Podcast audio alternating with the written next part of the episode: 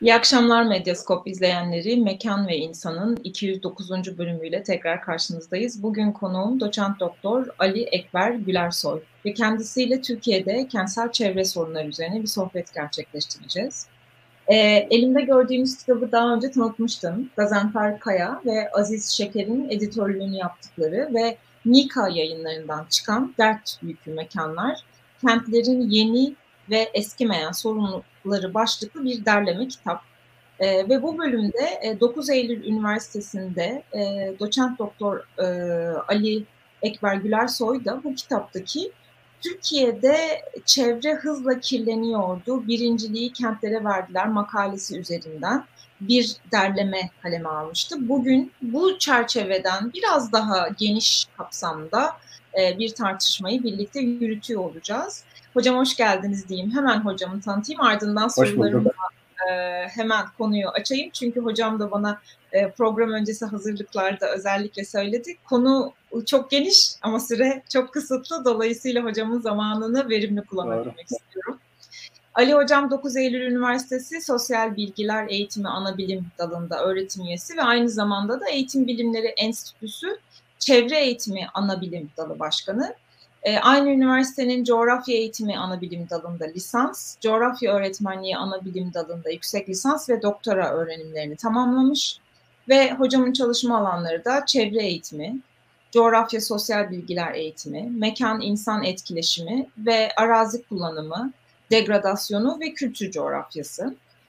Hocam ben hemen ilk sorumla başlıyorum ve sözü size bırakıyorum. Türkiye'nin kentleşme hikayesini biz mekan ve insanda çok kereler konuştuk plansızlığı üzerine beraberinde getirdiği sosyal ekonomik mekansal sorunlar üzerine pek çok farklı araştırmacının ve akademisyenin çalışmaları üzerine konuştuk. E, fakat siz çalışmanızda bu kitapta da kaleme aldığınız çalışmada kentleşme ile çevre kirliliğinin e, ilişkisini e, net bir şekilde bir alt başlıkta ele almışsınız. Ben biraz bu hani kentleşmenin süreci ve çevre kirliliğinin giderek e, daha da vahim hale gelişinin sürecinin e, ilişkisini sizden dinlemek isterim. Teşekkür ederim. E, Gazanfer Hoca böyle bir konuyla geldiğinde açıkçası ben kendisine de söyledim. Size söylediğim gibi bu çok karmaşık bir konu. Nasıl işinden, işin içinden çıkacağız? Hatta sizin okumadığınız bir bölüm de var. Yani hatlı sayılır bir şekilde belli bir bölümü de çıkardık.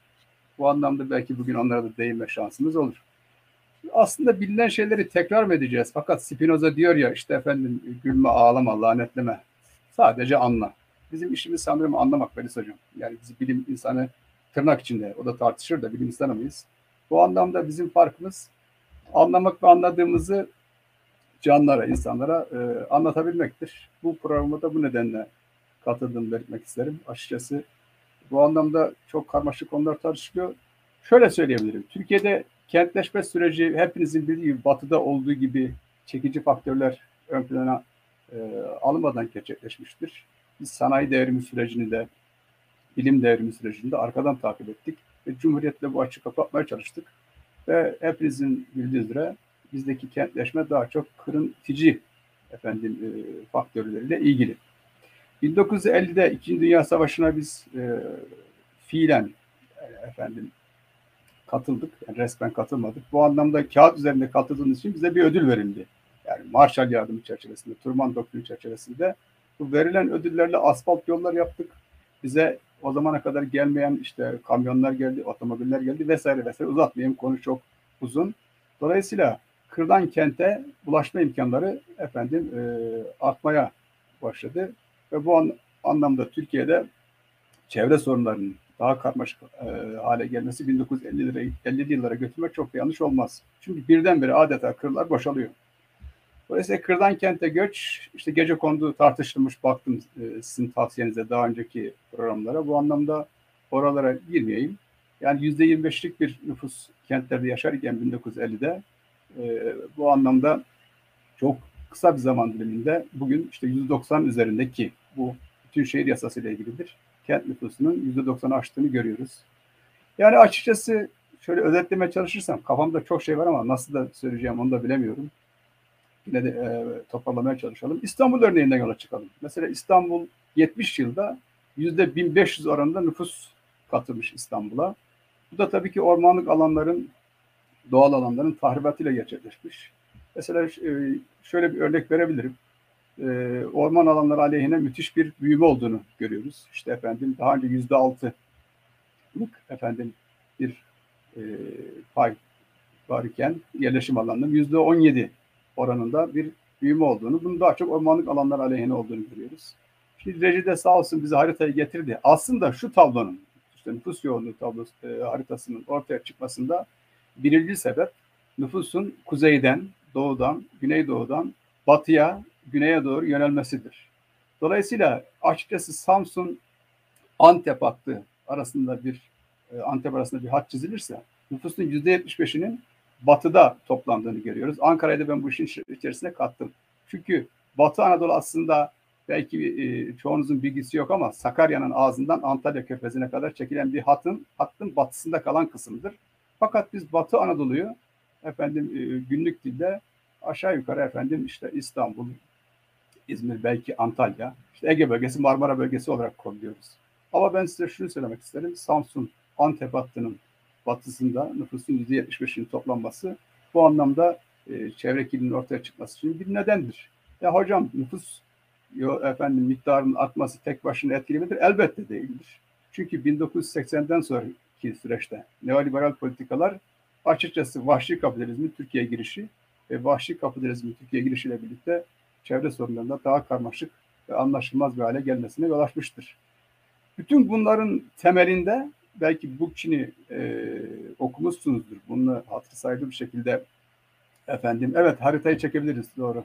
Bu anlamda Bookchin'in e, söylediği gibi hiyerarşi ve tahakküm var. Bu anlamda bizim ilkel komünal dönemdeki işte Çatalhöyük'te. Mesela ben onu en son söyleyeyim ama bazen bunu derste de yaparım ben. En son söyleyeceğim başta söylerim.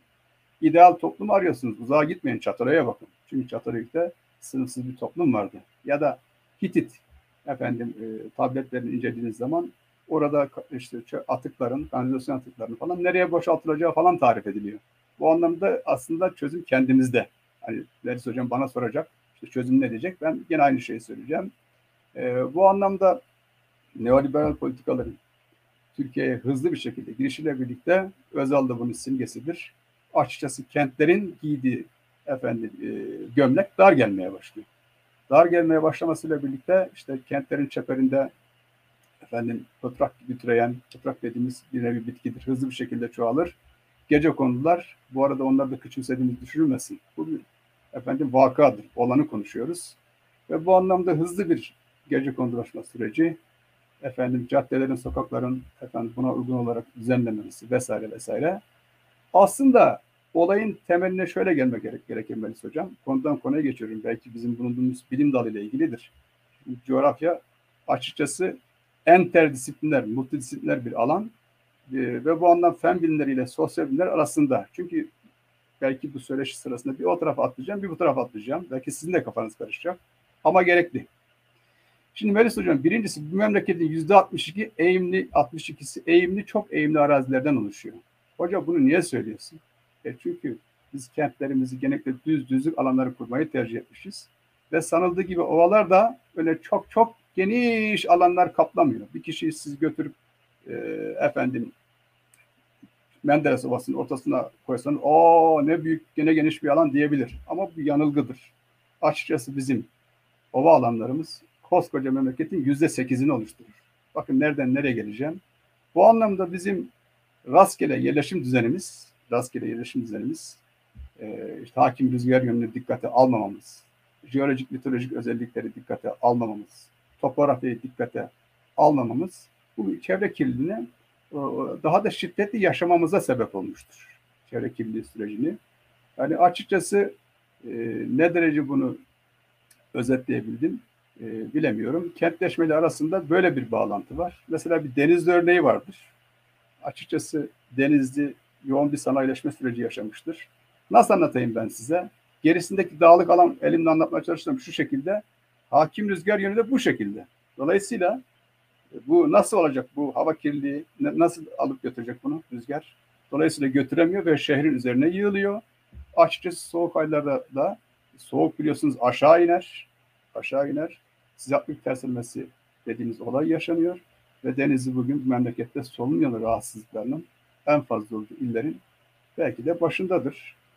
Yani açıkçası birinci soruya böyle bir cevap vereyim. Daha sonra gene entegre olarak geçiş yapsam sizi kızdırmam değil mi? Yani diğer ara ara gidip gelsem. Estağfurullah hocam tabii. E, çünkü hepsi de birbiriyle çok alakalı. Çok haklısınız. Siz Denizli'den bahsederken ben tabii Denizli'de birebir deneyimleme Hı-hı. fırsatım olmadı. E, iyi ki de olmamış da böyle bir e, kirliliği ama Ankara'da e, okurken onu çok yaşadım. Rüzgarın olmadığı zamanlarda Ankara çanak gibi olduğu için kirli Hı-hı. hava e, o çanağın içinde kalır. Rüzgar olduğunda Ankara'nın havası bir anda çok berraklaşır, temizlenir o. Ama rüzgar yoksa o hakikaten kirli havanın o çanağın içerisinde nasıl kaldığını ve insanın nefes alamadığını hatta Ankara'nın bir ucundan bir ucuna bazen bazı noktalardan görü sağlanabiliyor. O kahverengiliği, griliği görebildiğinizi görüyorum. Tabii bu sizin e, belki de daha e, detaylı olarak bize e, ilerleyen e, kısımda anlatacağınız şeylerden de bir tanesi. Çünkü ben şöyle bir şey de merak ediyorum. Çalışmanızda farklı farklı çevre kirlilikleriyle ilgili hem istatistiklerden evet. hem rakamlardan bahsediyorsunuz. Doğru. Ama biz geçen seneden itibaren e, bizim literatürümüzde, e, halkın literatüründe çok da olmayan müsilaj diye bir şeyle de tanıştık. Aynen e, öyle. Çevreyle bir ilişkimizin ve şiddetinin değişmesiyle birlikte onun da bize verdiği cevabın şiddeti değişiyor elbette. Ee, ben bu noktada şunu sormak isterim size. Türkiye'nin nüfus yoğunluğu dengeli bir biçimde dağılmamış. Biraz önce söylediklerinizden onu anlıyoruz. Ee, Türkiye'nin topografik yapısı ve eğimsel e, olarak kentlerinin genellikle çok düzlüklerde yerleşmediğini de anlıyoruz. Yok ee, şöyle e, düz alanları tercih ediyorlar. Düz ve düze yakın alanları tercih ediyorlar. Bu da e, soracaksınız onu. İşte arazi kullanımı ilgili. Bu da e, tarım arazilerinin talanını beraberinde getiriyor. Evet. Beraberinde evet. getiriyor. Yani ova alanları sanıldığı kadar çok geniş yüzdesi çok fazla değil. Bu anlamda mesela bizim burada bir Bornova vardır. Ben İzmir'deyim şu anda. Bornova hı hı. memleketin sebze e, bahçesi idi zamanında. Brunova. E, aynı şey Balçıkova, Balçova için de söyleyebiliriz. Şu anda oralarda bina adalıdır. Doğru. Dolayısıyla Hinterland'ında Kemal Paşa var diyecekler. Orası da oradan efendim çok farklı değil. Foça var diyecekler. Orası da çok farklı değil. İstanbulluların işte e, burada Çeşme Karaburun Yarımadası'na efendim adeta akın ettiğini görüyoruz. Orada da bir su, su sıkıntısı var vesaire vesaire. Bunca insanın atı vesaire vesaire. Dolayısıyla konu konuyu açtık. Covid gibi bir Covid-19 gibi bir süreçten sonra e, buralar çok yoğun göç almaya başladı. İnsanlar kıra dönelim, kıra gidelim. E, ama bu da açıkçası e, o da efendim kontrolsüz bir göç sürecini beraberinde getirebilir. Bu anlamda İzmir su, kişi başına düşen tatlı su efendim miktar açısından Türkiye'nin diğer e, alanlarına göre şanssız bir Bakmayın siz öyle dışarıdan göründüğüne. Bizim Batı Anadolu'da böyle bir sorunumuz da var Melis Hanım. Yani doğudaki nüfus, doğu nispeten su, e, tatlı su rezerv açısından zenginken açıkçası doğudaki ve hatta kuzeydeki nüfus, nüfusun batıya güneye doğru akın ettiğini ve bu anlamda batıda bunun daha net istediğini görüyoruz yine. Çünkü iklim gittikçe tropikleşiyor. Bu da kişi başına düşen tatlı miktarında azalmasına yol açıyor. Çünkü çevre çünkü multidisipliner bir alan. Bu anlamda konudan konuya geçtim.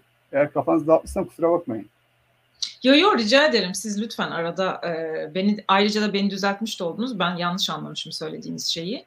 E, şimdi bu noktada peki ben soruyu çok toparlayarak sorayım size. Bu farklı ki, e, e, kirlilik çeşitlerinin Evet. Ee, yani su kirliliğinden bahsediyoruz, hava kirliliğinden bahsediyoruz gibi farklı farklı kirlilik çeşitleri var. Evet. Bu kirlilik çeşitlerinin yoğunlaştığı bölgeler ve belki de rakamlarıyla bize birazcık hani nerede ne, e, daha çok dikkat edilmesi gerekiyor, nerede hangi kirlilik türüne daha çok dikkat edilmesi gerekiyor gibi bir e, sizden özet geçmenizi rica edeceğim. Teşekkür ederim. Şimdi Türkiye Çevre Sorunları ve Öncelikleri Değerlendirme raporu var. 27 ilde işte efendim hava kirliliği, 27 ilde su kirliliği, 25 ilde atıklar, 2 ilde de gürültü kirliliğinin birinci derecede sorun olduğu söylenmiş. Açıkçası sizin sorunuzun e, yanıtı Batı Anadolu dense bunun yani dedi nerede yoğunlaşıyor? Bu anlamda sizi, sizi şaşırtmaz. Ama ben size şu örneği mesela, vereyim mesela. Muş ve Iğdır. Birçok kişi diyecektir ki ya ne alaka Muş ve Iğdır hava kirliliğinin gerçekten şiddetli yaşandığı illerden efendim e, bazılarıdır. Yani bu anlamda her şey Batı Anadolu'da yaşanıyor. İşte doğudakiler güllük gülistanlık değil maalesef.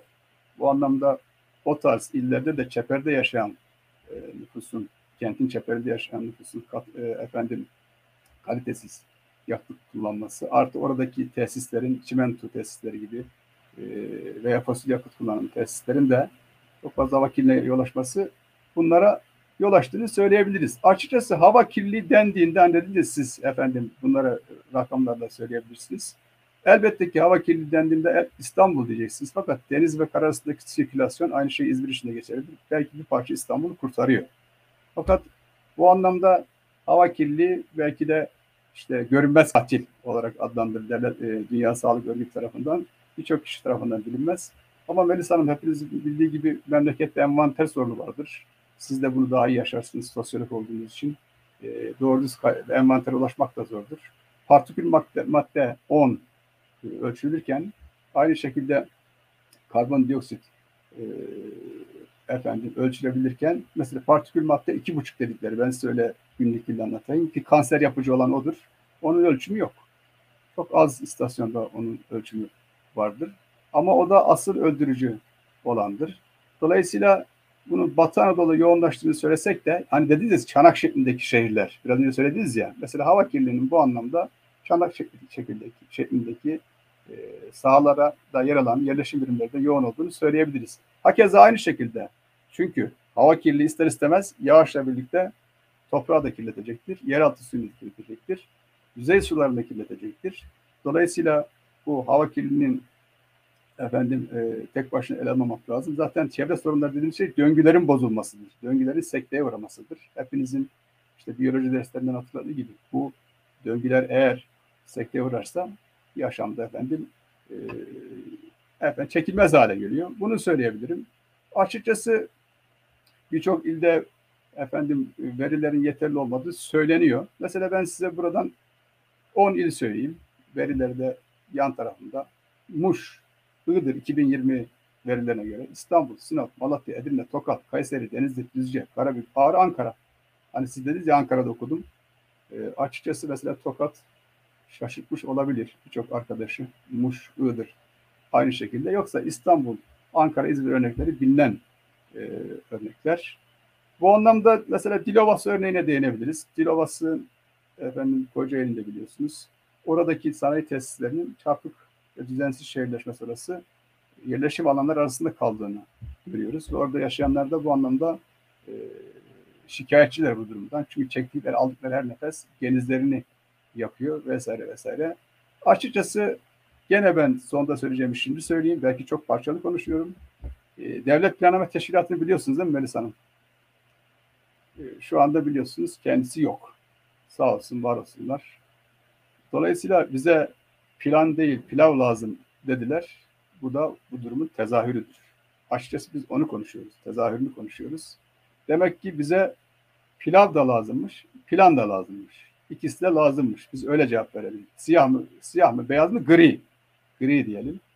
Bu anlamda açıkçası e, hava kirliliği için bunu söyleyebilirim. Su kirliliği de bunun beraberinde düşünürsek tatlı su miktarı yüzde üç kadardır ve Türkiye su azlığı çeken ülke kategorisindedir. Ve bu anlamda yer, e, şehirlerimizin çevresinde yer alan sanayi tesislerinin, sanayi atıklarının yeraltı sularını kirlettiğini görüyoruz. Yüzey sularını kirlettiğini görüyoruz. Mesela Kemalpaşa Ovası'nda yeraltı suyunda siyanür çıkıyor. Ve bu elbette ki sanayinin e, efendim tezahürüdür. Bu anlamda müsilaj olayına gelirsek güzel bir şey söylediniz. Müsilaj aslında ötrifikasyondur. Yani belki biyoloji alanında izleyenler varsa bizden daha iyi açıklarlar ki bizim böyle bir iddiamız yok. Biz bunların hepsini sizin dediğiniz gibi derleyip e, sizle paylaşmak istedik. Sakin, durgun sularda gerçekleşir ve tahmin ettiğiniz gibi sıcak periyotta da etkisini daha da artırır. Şimdi Marmara Denizi örneğine gelelim. Siz aslında e, nereye getirmek istediğinizi ben sizin biliyorum. Marmara Denizi bu anlamda bir giriş bir çıkışı olan dünyadaki nadir denizlerden birisidir. Bir iç denizdir. Ve kendi halinde bir denizdir. Alt yüzey tabaka ile alt tabaka arasındaki karışım zayıftır. Bunu zaten Cemal Saydam Hocam, Mustafa Sarı Hoca çok güzel anlattı. Hatta hükümete de söyledi. Yapmayın bu büyük, büyük kanal projesi sıkıntı yaratır. Zaten can çekişiyor bu Marmara Denizi. Yüzey su ile alt tabak arasındaki karışım iyi değil. Siz kanal açtığınız zaman, büyük kanal açtığınız zaman Tuna'nın getirdiği kirlilik efendim Marmara Denizi'ne girecek. Tamam bu balık popülasyonunu artıracak ama yüzeyde aşağıya organik madde ineceği için aşağıya tabana inen organik maddeyi bakteriler ayrıştırmaya çalışacak ve hepinizin tahmin ettiği gibi bakteriler bunu ayrıştırırken de sudaki çözülmüş oksijeni bitirecek. Bu da Marmara Denizi'nin ölümü demektir dediler. Cemal Sayyam kitapta bunu zaten daha açık yazdım. Hocanın söylediğini kitaba aktardım. Benim bir şey yaptığım yok. Bu anlamda bilim insanları da bunu e, bağıra bağıra söylediler. Bir şey daha söylemek isterim Melis Hanım. Yüzeyden temizlediler şeyi. Söyleyin şunu. Müsilajı. 10 20 10 metre derinliğin 10 e, metre derinlikten sonra maalesef müsilaj hava, e, haber haberlerde de görmüşsünüzdür. E, varlığını devam ettiriyor. Yani yüzeyden bunu almanın bir anlamı yok. Çözüm tamamen bunu kökten radikal bir şekilde çözmektir.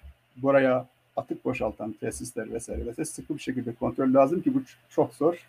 O atık suların işte hocanın böyle bir şeyi var. Atık barajlar oluşturalım diyor. Atıkları diyor arıtalım ve arıttığımız suyu da diyor tarımda kullanalım diyor. Mesela atık barajlar oluşturalım diyor e, Mustafa Sarı Hoca. Bu anlamda aslında bilim insanları çok şey söylüyor. Efendim sizin gibi Melis Hanım. Bizler de kendi çapımızda bir şeyler söylemeye çalışıyoruz ama bizi pek dikkate alan yok. Yaptığımız işi e, biraz halk ağzıyla konuşacağım ama entel dantel iş olarak görüyorlar ama yanlıştır. Biz açıkçası memleket için bir şeyler söylemeye çalışıyoruz ki benim de bu programa katılma amaçlarımdan birisi de bu idi. Başka şimdi kirliliklerden su kirliliğinde böyle özetleyebilirim. Sanırım sorunuza yanıt oldu. Toprak kirliliği açıkçası ağır metallerin mesela e, Erzurum'da, Batman'da, bak hiç tahmin etmediğiniz yerler, Erzurum'da, Batman'da vesaire hemen toprağın altında biriktiğini, bunun da yeraltı suyunu kirlettiğini ve besin zinciri yoluyla da efendim bize ulaştığını biz biliyoruz. Ağır metaller sıkıntıdır. Sudaki ağır metallerde tahmin ettiğiniz gibi midye gibi kabuklu canlılarda vesaire birikiyor. Toprak kirliliğinde açıkçası böyle söyleyebilirim. Yani sanayinin vesaire hava kirliliği yoğun olduğu sahalarda e, canımızı yakmaktadır. Petrol türevi atıklar toprakta hani suda nasıl anlatayım bir film tabakası oluşturur, sıkıntı yaratır ama topraktan bunun aratılması daha zordur. Toprağı fırınlarda yakmak falan gerekiyor. Bu anlamda da ciddi sıkıntıdır. Petrol türevi atıkların toprakta yarattığı kirlilik de ciddi sıkıntıdır. Yani açıkçası efendim radyoaktif kirlenme süre yetmeyecek herhalde de e, Gazemir'e gelmek isteyecektim. Melis Hanım. Gazemir Türkiye'nin Çernobil'i diyorlar ya biliyorsun. İzmir'in Çernobil'i. Onu da söyleyecektim ki söyleyeceğim. Yani efendim çöplerimizi hala nasıl anlatayım size? Yani vahşi depolama olayı bitti mi? Bitmedi. Ciddi çalışmalar vardı son yıllarda ama açıkçası biz bu vahşi depolama olayından vazgeçmiş değiliz. Arıtma tesislerimiz birazdan size rakamlar da vereceğim. Yeterli değil. Bu da toprak kirliliği sebeplerinden birisidir o vahşi depolama. Radyoaktif kirlenmeye gelince herkes Çernobil'i söylüyor vesaire vesaire ama kimse Gazemir'deki e, e, efendim e, Akçay Caddesi'ndeki eski kurşun üretim fabrikasından söz etmiyor. Açıkçası şu anda bu mesele çözülmüş değildir. Ben özellikle onu söylemek isterim. Akçay Caddesi'ndeki e, yerleşim birimler, birimi içerisinde kalan bu tesis ve oradaki radyoaktif atıklar bizzat devletin kurumları tarafından işte Çekmece Nükleer Araştırma ve Eğitim Merkezi tarafından tespit edilmiştir. Oradaki nükleer atıklarından Türkiye'de bulunmadığını ve dışarıdan getirildiği söylenmiştir. Açıkçası bu da e, yani atık ticaretini, e, yasal olmayan atık ticaretini efendim hatırlatıyor. Şöyle söyleyeyim size Melisa Hanım. Orada olması gerekenden 219 kat daha fazla radyasyon var. Bu da Fukushima biliyorsunuz ki Japonya'da Fukushima felaketinden sonra çocukların maruz efendim e, kalabileceği sınırın 219 katı. Geri kalanı siz tahmin ediniz. Bu anlamda Gaziemir'deki e, İzmir'in Çernobil denilen efendim süreç devam ediyor. Üzerini toprakla kapattılar Melis Hanım. Hepinizin bildiği gibi toprak mezar olarak görülüyor. Yani şöyle yanlış anlaşılmasın. Çevre bir şeyi toprağa göm o taşır. O da büyük hatadır. Toprak çevre kirliliği açısından bir mezar olarak görülmemelidir. Bizde o da tam olarak yerini, e, becerilemiyor. Bir metre en fazla Belki de üstünde toprak vardır yoktur o atıkların. Ama Almanya'da bu bin metre kadardır. Bu tür nükleer atıklar bin metre kadar derinde depolanır. Durum budur. Şimdi hemen şeyi soracaksanız söyleyeyim size. Akkuyu'daki nükleer santral, yine Sinop'taki, e, Kırklareli'ndeki, İnada'daki nükleer. O ikisi e, proje aşamasında ama Akkuyu'daki biliyorsunuz ki inşa ediliyor. Ben özellikle bu Gaziemir'deki sürece e, temas etmek istedim. Bir diğer olay elektromanyetik kirlenme. Şimdi yine sizi üzeceğim ama yüksek gerilim hatları ciddi sıkıntı. Konudan konuya geçtik. Yüksek gerilim hatları gerçekten hastalık yapıcı özellikleri var. Bazı istasyonları ciddi derecede sıkıntı. Bunları hepiniz biliyorsunuz. Ee, size şöyle söyleyeyim. Elektrik çalışanlarının e, önemli bir kısmının e, lösemi ve beyin e, efendim kanserine yakalandığı söyleniyor. İçinizi karartmak gibi bir derdim yok ama böyle. Bu pek bilinmiyor. Elektromanyetik kirlemeden çok fazla kişi bahsetmiyor ama ben size bu şekilde söyleyebilirim. Geldik gürültü kirliliği. Biz eğitimcilerin çok da haz etmediği bir e, efendim kirlilik tarzı. Kent insanının kanıksadığı e, adeta yok saydığı bir kirlilik tarzı ama maalesef bu da çok canımızı yakıyor. Çok hastalığı sebeplerinden birisiymiş. Ben bunu araştırırken öğrendim. Açıkçası kişi araştırırken ve ders anlatırken öğreniyor. Melisa Hanım siz de e, eminim öylesinizdir. Bu anlamda gürültü kirliliğinin içinde bunu söyleyebilirim. Sadece Antalya ve Eskişehir'de gürültü kirliliğinin birinci derecede öğrencilik sırasına yerleşmesi düşündürücü. Diğer şehirlerde de sorun ama çünkü İstanbul insanı mesela kanıksamış görünüyor. Ee, siz söyleyin, İzmir insanı da öyle. Gürültü kirliliğini. Işık kirliliği çok fazla bu gündeme geldi mi gelmedi mi bilmiyorum ama bu anlamda biz aydınlatma olayında da biraz sıkıntılı. Belki benim de aydınlatmam çok iyi değil. Bilemeyeceğim. Ama açıkçası şunu net olarak söyleyebilirim. Dün bir film izlerken şöyle bir şey, şöyle bir replik geçti. Ben sizinle paylaşmak isterim. Camdan Kare filmi. TRT 2 bazen iyi işler çıkarıyor bu TRT 2. Zengin şehirler lüks evlerde yaşar. Fakat havalar o kadar kirlidir ki yıldızları bile göremezler. Onlarla yer değiştirmek için insanın deli olması gerekir diyor. O yere uzanmış kızıyla beraber gökyüzünü izleyen kişi. Nitekim Türkiye'nin açıkçası yüzde 98, Türkiye nüfusunun yüzde 98'i ışık kirliliği tehdit altındadır. Ve yüzde yarısı da Samanyolu galaksisini göremiyor. İstanbul'da mesela 2000 tane yıldız görülmesi gerekirken bunun ancak 25 yıldız olduğunu görüyoruz. Bir diğer tehdit gözlem evlerinin ışık kirliliği nedeniyle randımanın düşük olmasıdır. Bizim büyük şehirlerimizin yakınlarındaki gözlem evleri işte Antalya böyle mesela. İstanbul, Ankara e, e, ve Ege gözlem evleri böyle. Görüntü belki zaman kalmadı ama görüntü kirliliğiyle ilgili de aslında üç aşağı beş yukarı çok şey söylenebilir ama bu insanların açıkçası psikolojisinde alt üstüden bir durum. Katı atık, şimdi Ümraniye çöplüğü olayını anlatmayayım. Anlatmışlardı, söylemişlerdi insanlar. Bu Ümraniye çöplüğünün e, metan gazının birikmesiyle patlaması vesaire vesaire. Ancak ben size şu kadarını söylemek istiyorum. Türkiye'de çöp gazından elektrik elde eden tesis sayısı bir hayli fazladır. Ama açıkçası şunu e, söylemek isterim. Türkiye'de işte hala vahşi depolama söz konusu. Yani dörtte birinden fazlasında hala vahşi depolama söz konusudur. Bu da nasıl anlatayım size? 2-3 metre bir çöp doldurduktan sonra bir 20-30 santim araya bir boşluk gerekir. Çakıldan, taştan ki metan gaz üretmesin diye. Bunun da dikkat alınmadığını görüyoruz. Belediyelerin son yıllarda işte kat atık testlerin arttığını söylüyor. Ben devletin verdiği rakamları söylüyorum. Arama tesisi sayısının falan arttığını söylüyor ama açıkçası biz bizzat girdik gidip gördük de birçoğunun çalıştırmadığını biliyoruz. Yani olsa bile çalıştırılmıyor maliyet hesabı nedeniyle.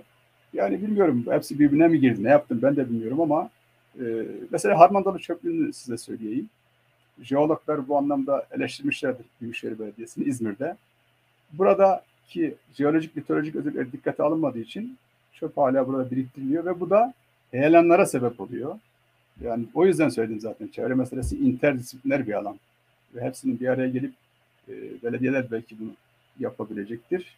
Yani sözün özü e, işte yanlış arazi kullanımıyla ilgili bir başka bir e, efendim tartışma boyutu olduğu için böyle söyleyebilirim. Hatta size şunu söylemek isterim Velis Hanım. Tahtalı Barajı burada Tahtalı Barajı bizim İzmir'in su ihtiyacının üçte birini karşılar. Biz oraya gittiğimizde açıkçası yerleşim birimlerinden Tahtalı Barajı'na açıkçası atıkların bir şekilde ulaştığını gördük.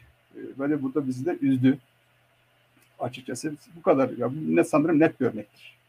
E, yani efendim İzmir'in içme suyu ihtiyacının üçte birini karşılayan bir e, havzada böyle bir durum. Bu örnekler çoğaltılabilir ama zaman dar. Yordum sanırım sizi. Teşekkür ederim.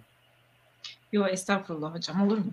Ee, tabii siz anlatırken özellikle de e, ışık e, kirliliği üzerine konuşurken bizim yıldızları göremememizin yanı sıra aynı zamanda özellikle canlıların e, hı insanların dışındaki tabii, tabii. canlıların da e, şeylerini e, referans noktalarını çok karıştırdıklarını fark ediyorum. İstanbul'da martıların e, büyük kürelerin etrafında döndüklerini görmek hiç denizden çok uzakta olsa da ya da e, karette karettaların örneğin işte ışığa doğru Aynen. hareket ettikleri için denize değil yanlış tarafa doğru gitmeleri gibi böyle başka e, felaketlere de yol açıyoruz aslında değil mi? Bitkiler, aynen öyle. Bitkilerin saplarında kalınlaşma oluyor. Erken çiçek dökü, e, açıyorlar. Evet, sen söyle. Balıklarda e, belki e, üreme sürecinde balıklarda ciddi sıkıntılara yol açıyor. Çünkü e, şehirlerde pekala doğal ortamda iç içe.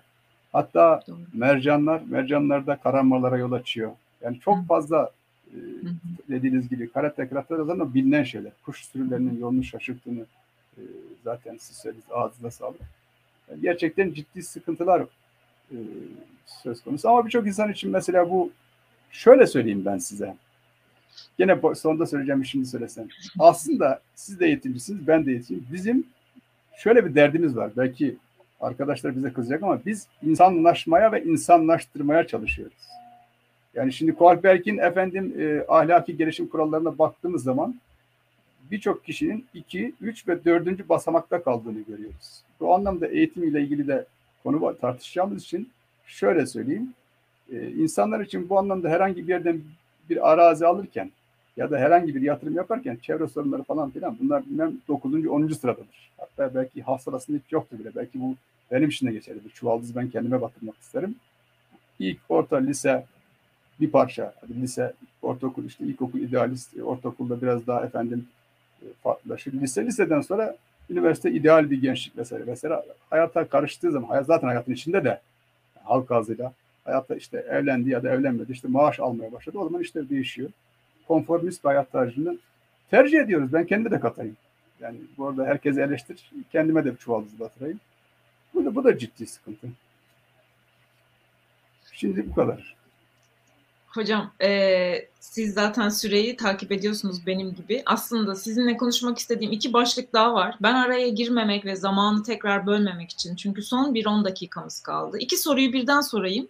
Olur. Siz ikisini isterseniz birleştirerek isterseniz ayrı ayrı cevap verin. Şimdi sizin e, önemli çalışma alanlarınızdan bir tanesi de çevre eğitimi olduğu için ben bu soruyu sormadan geçmek istemedim. Aslında son soru olarak da bunu düşünmüştüm. Tabii. Tabii. E, şimdi çevre kirliliği ve eğitim arasındaki ilişki herhalde çok önemli. Yani çocukluktan başlamayınca bazı şeyler daha sonra düzeltmek, değiştirmek davranış kalıplarını da çok zor ya da bunun önemini idrak etmek de çok zor.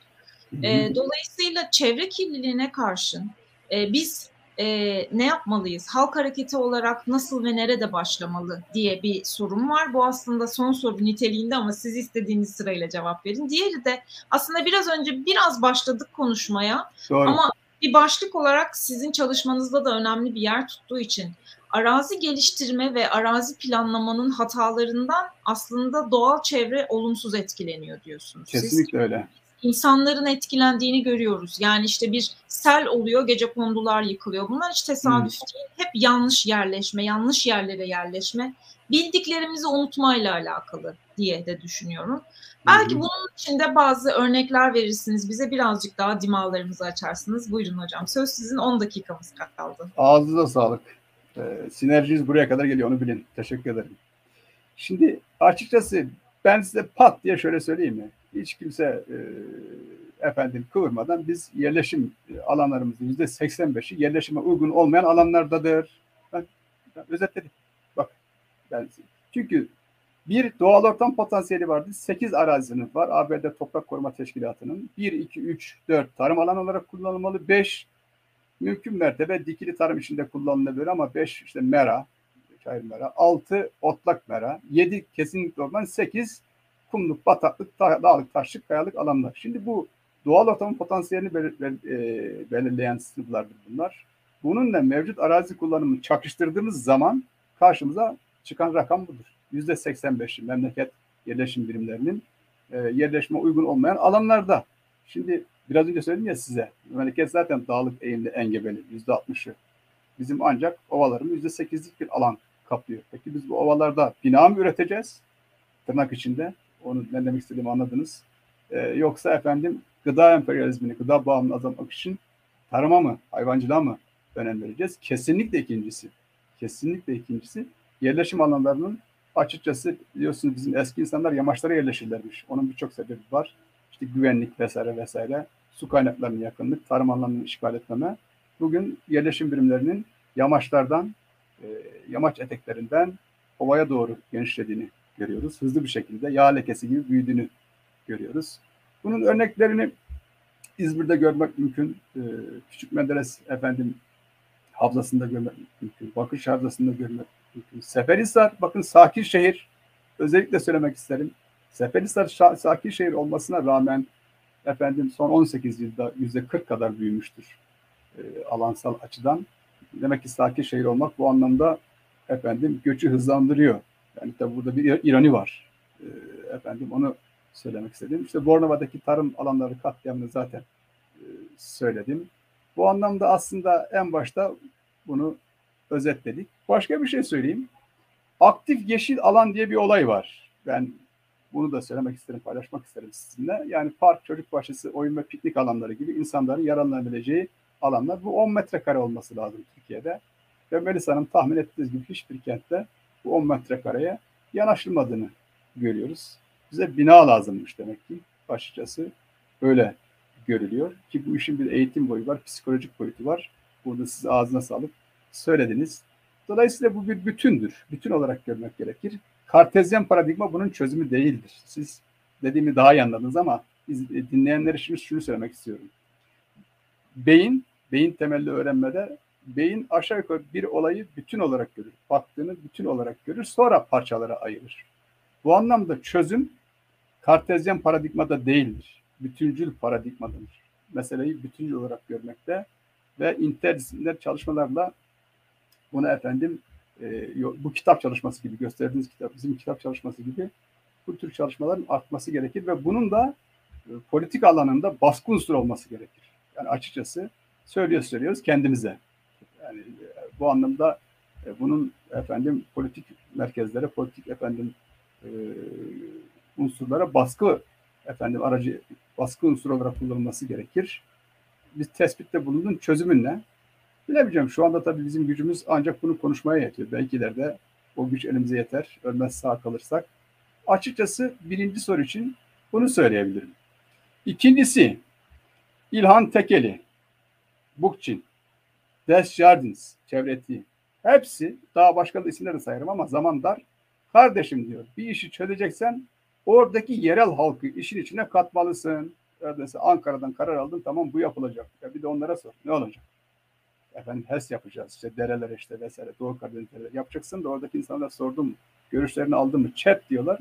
Chat raporlarında açıkçası belki yine izleyenler bizden daha çok bilgi sahibidir ama çoğunun efendim e, çok da sağlıklı olmadığını biliyoruz. Bu anlamda birincisi söylediniz ya yerel halkın işin içine katma. İkincisi siz hep eleştiririz ya Japonya'da bir deprem olur çocuklar hemen makine gibi efendim sıraların yanına uzanır. İyi de kardeşim 40-50 yıldır bu müfredattalar ve 40-50 yıldır bu sürekli yapılıyor. E sen bir olayı sen bu yıl yaptığın ertesi yıl kaldırırsan mesela çevre eğitimi ve e, küresel iklim değişimi dersi 6, 7. 8. sınıflarda seneye başlayacak. Seçmeli. Niye seçmeli? Zorunlu olsun. Çözüm bak çözüm söylüyorum. Çözüm ya size. Bu dersin kesinlikle ana anaokulu, siz söyleyin, ilkokul, ortaokul, lise ve mümkünse bütün lisans eğitim boyutunda sadece çevreyle ilgili ana bilim dallarında değil, bölümlerde değil ama özellikle ilk orta lise hatta Melisa Hanım örgün eğitim ayağında öylesine yapılan çalışmalar değil. Biz ben 15 yıl öğretmenlik yaptım. Bizim netice eğitim seminerleri yapılırdı. Ya millet liste de gitsek derdi. Yo öyle değil. Gerçekten inanarak, kalben ve zihne inanarak yani praksis Bu anlamda Marx, Marksist literatürde söylendiği gibi hani biz ona halk adıyla şöyle söyleyelim. Dilindeki eline vursun. Yani o anlamda teori pratik birliğinin sağlanması gerekir. İnsanlar işte Artvi Cerattepe'de olduğu gibi, Bergama'da olduğu gibi e, efendim kaynaklarına sahip çıktılar, doğal kaynaklarına sahip çıktılar. Onları olumlu buluyorum. Hani halk hareketi dediniz ya. Onlar kesinlikle e, efendim illegal hareketler olarak, olarak görmemek gerekir. Eğer halk bir şeye tepki görüyor, veriyorsa kesinlikle dinlemek gerekir. Kesinlikle dinlemek gerekir. Niye kızıyor bunlar? Neden tepkililer? Hemen olayı dış unsurlara, dış mihraklara göndermek, e, göndermemek gerekir. Halkın ne dediğini anlamak gerekir. Bu anlamda zaten e, Tekel Hoca da söylüyor. Bu tür efendim düzenlemeler kamu yararına yapılmadığı için neoliberal politikalar sonrası kamu yararını gözetmediği için şehirlerdeki bu çevreyle ilgili hizmetlerin taşeronlara e, devredildiği için, çevre mühendisliği ilgili hizmetler özelleştirildiği için, taşeronlar, taşeronlaştırıldığı için daha karmaşık hale geldiğini görüyoruz. Bu anlamda halkın kesin, kesinlikle işin içerisinde e, olması gerekir Melis Hanım. İşte burada kompakt kent modeli var. Ona arkadaşlar bakar. Size bu hazırlanırken 15 dakikalık kentler diye bir şeye denk geldim. Paris'te uygulanmaya başlanmış. Bizzat Paris içerisinde uygulamış. İzleyenler bakabilirler. 15 dakikalık kentler. Adı üstünde efendim 15 dakikada ihtiyaçların karşılanabildiği bir kentsel düzenlemeyi ifade ediyor. İşte bisiklet kullanım vesaire vesaire. Zaman dar çünkü. Çok ayrısına giremeyeceğim. Bu çözüm olabilir. 15 dakikalık kentler.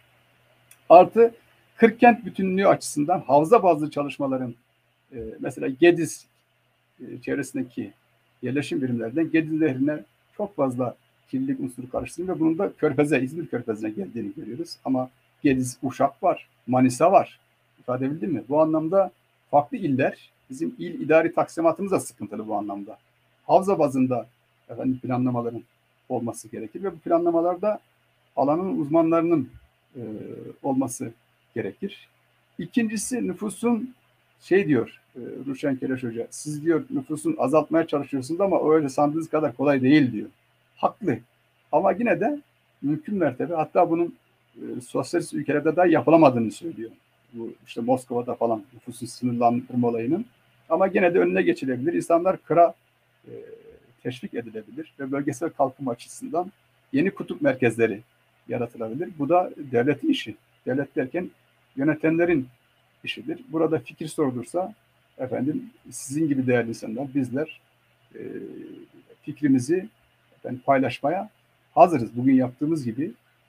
Eğitim ayağına gelince güzel bir şey söylediniz. Şimdi bende olumlu tutum var Melisa Hanım. Çevreyi işte önemsiyorum. Olumlu tutum var. E ben ne yapayım ki bu olumlu tutumu? Bunun ete kemiğe bürünmesi lazım. Yani bunun davranışa dönüşmesi lazım. Biraz önce dediğim gibi ben önce kendimi eleştiriyorum.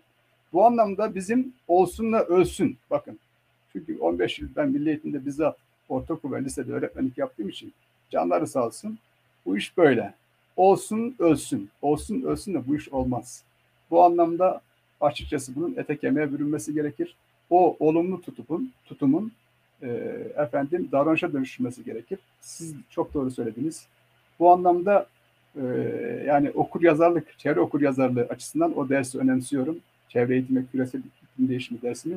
Bütün e, örgün eğitimde hatta yaygın eğitimde bunun zorunlu hale getirilmesi gerekir. Yaygın eğitim zorunlu hale getiremezsin de teşvik edersin e, gerekir. Artı alternatif eğitim modelleri var. Freire'nin eleştirel pedagojisi, Montessori, Reggio Emilia. Paralı sınıf bunlara ulaşabiliyor. Ya benim halkım da ulaşsın. Bunlar efendim ana sınıflarında ki o, e, hocalar eğitilsin. Hatta bu ortaokul, ilkokul, ortaokul, lisede bu yaklaşımlar öğretilsin bu arkadaşlara. Devlet okullarında da uygulansın. Halkımızın tamamı bu anlamda çevre okur yazar olsun. Bu anlamda o ikilemi de ortadan kaldırmak gerekir. Orman okulları vesaire vesaire. O alternatif eğitim yaklaşımların da devreye girmesi gerektiğini söylüyorum. Süre, süre sanırım bitti. Şöyle söyleyeyim size. Çok fazla bu anlamda çözüm yolu var ama biz de laf, belki de laf salatası yapıyorum ben kendime söyleyeyim. Ama yine de hiç olmazsa söylüyoruz. Sağ olun sizler böyle bir mecra açtınız bize. Yani çözüm aslında şöyle. Biz kaos çağındayız. Bu kaos çağında açıkçası organik yani komünal toplumun e, biz bizim anlayışını ben benim anlayışına galip gelmesi gerekir. Yani ilkel komünal toplumdaki o paylaşımcı düzenin o da zor gibi duruyor ama bunun örnekleri var. Komünler vesaire var. Yaşayanlar var. Ve bu anlamda o kapitalist üretimin e, yaratıcısı olduğu sistem değil de işte üretim tüketim kalıplarının işte e, açıkçası ötesinde kolektif bir anlayış çerçevesinde doğa insan etkileşimini önemseyen toplumcu ekolojik bir kent e, modelinin devreye girmesi gerek. Bookchin mi diyeceksiniz? Yok Bookchin de eleştirecek yanları var. Bu anlamda Bookchin'den de e, esinlenerek Desjardin'den, Keleş'ten, Ruşen Keleş'ten, İlhan Tekeli'den e, esinlenerek böyle bir kent modelinin efendim geliştirmesi gerekir. Daha da ötesi son sözler sanırım. Anayasada yer alması gerekir, kalkınma planlarında yer alması gerekir ki var ama bunun da bizzat uygulanması gerekir ve kontrol edilmesi gerekir. Diyeceksiniz ki e, Melis Hocam hangi birisi kontrol edilsin? Diyor ya vicdan en büyük efendim kontrolcüdür. Kesinlikle ısrarla söylüyorum. O Kohlberg'in ve ahlaki gelişim basamaklarını ben boş yere söylemedim. Bu anlamda bizim onun üzerinde özellikle durmamız gerekir. E, o ikinci, üçüncü basamakta kalanları e, beşinci, altıncı basamağa doğru e, efendim geliştirmemiz gerekir. Kişileri kendini göstermemiz gerekir. Bu empatiyle olur. Başka yol olur bilemem. Ama çok söz var. Hatta notlar aldım. Sağımda solumda hep notlar uçuşuyor. Hepsini söyleyemedim. Benim söyleyeceklerim üç aşağı beş yukarı bu kadar. Ee, her ne kadar sürçülisan ettiysek affola Melis Hanım. Ee, rica ederiz hocam olur mu? Ee, bu kadar detaylı bir konuyu bu kadar kısa sürede anlatmanızı istedim. Ee, siz de e, gerçekten büyük bir özveriyle e, program öncesi de hazırlandığınızı biliyorum. Ben çok teşekkür ediyorum. Ben teşekkür ederim bu konu üzerine ilgilenen e, ve bu konunun detaylarını merak eden e, izleyicilerimiz için aslında önemli isimleri ve önemli referansları verdiniz. Aynı zamanda tabii bizim kitabımız da bence önemli bir kaynak. Kesinlikle. E, güzel bir derleme e, olduğunu düşünüyorum. Tekrar çok teşekkür ediyorum. Bugün programa katıldığınız bizlerle e, bu değerlendirmelerinizi paylaştığınız için. Gelecek hafta pazartesi Mekan ve İnsan'ın 210.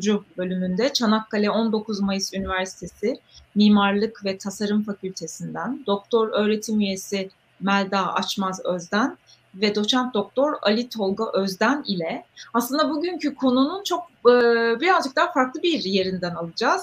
İklim kurgu filmlerinin ve belgesellerinin planlama ve tasarım öğrencilerinin farkındalıklarının ve eleştirel düşünmelerinin nasıl sağladığı üzerine bir çalışma yapmışlar hocalarım. Onun üzerine konuşuyor olacağız.